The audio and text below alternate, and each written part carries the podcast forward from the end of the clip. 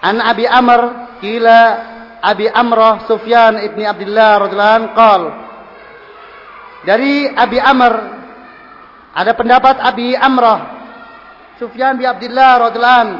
Beliau berkata Qultu ya Rasulullah aku berkata kepada Rasulullah ya Rasulullah qulli fil islami qawlan. Katakan padaku di dalam Islam ini sebuah perkataan la as'alu anhu ahadan ghairak. Yang aku tidak akan bertanya tentangnya kepada seorang pun selain engkau. Qal, beliau bersabda, "Qul amantu billah tsumastaqim."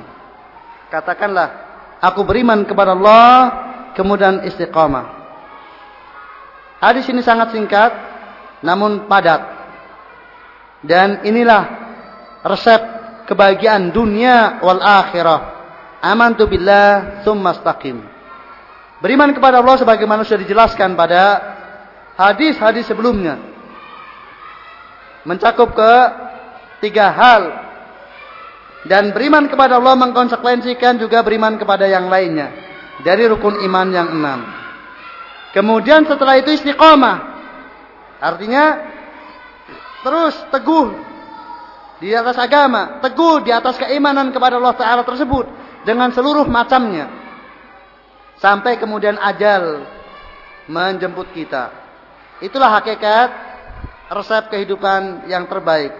Nyatakan aku beriman kepada Allah dengan pemahaman yang benar dan melaksanakan konsekuensi dari pernyataan tersebut, kemudian istiqomah sampai ajal menjemput kita. Terus menjaga, terus memelihara diri dan di antara sebab terjaganya adalah menjaga mulut dan kemaluan.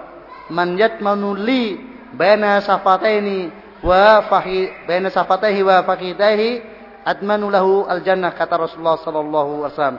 Barang siapa yang dia bisa memberikan jaminan kepadaku apa yang ada di antara dua lidahnya dan apa yang di antara dua pahanya artinya dia memberikan jaminan dengan menyelamatkan dua barang miliknya tersebut lidah dan kemaluannya maka aku jamin dia surga. Maka di antara sebab istiqomah yang paling mendasar adalah istiqomah lesan dan istiqomah al-farj. Karena banyak manusia dia binasa gara-gara farjinya dan gara-gara lesannya. Nah demikianlah ikhwafidin azanullah yakum dan istiqomah mencakup perkara yang lahir maupun perkara yang batin. Terutama dohirlah lesan dan farjinya dan batinnya adalah apa yang ada dalam hatinya dari penjagaan hak-hak Allah SWT dan penjagaan hak-hak manusia. Mudah-mudahan apa yang kita dapatkan pada sore hari ini bermanfaat bagi kita semuanya. Dan mudah-mudahan Allah Ta'ala menganugerahkan kepada kita keimanan yang benar. Kemudian istiqamah.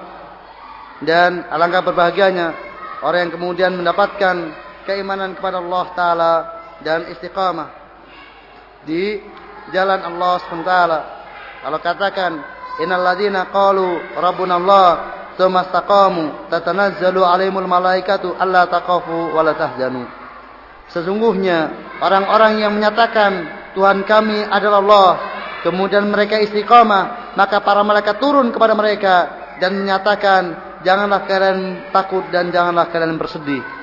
Itulah kunci kebahagiaan dunia dan akhirat. Tidak akan ada rasa takut dan rasa sedih kalau kemudian kalau seorang menyatakan aman tu billah kemudian istiqamah dengan konsekuensi dari pernyataan aman tu billah dan kemudian dia betul-betul teguh terus menerus menjaganya sampai ajal menjemput, menjemputnya. Subhanakallahumma wa bihamdika asyhadu an la ilaha anta astaghfiruka wa atubu ilaik. Assalamualaikum warahmatullahi wabarakatuh.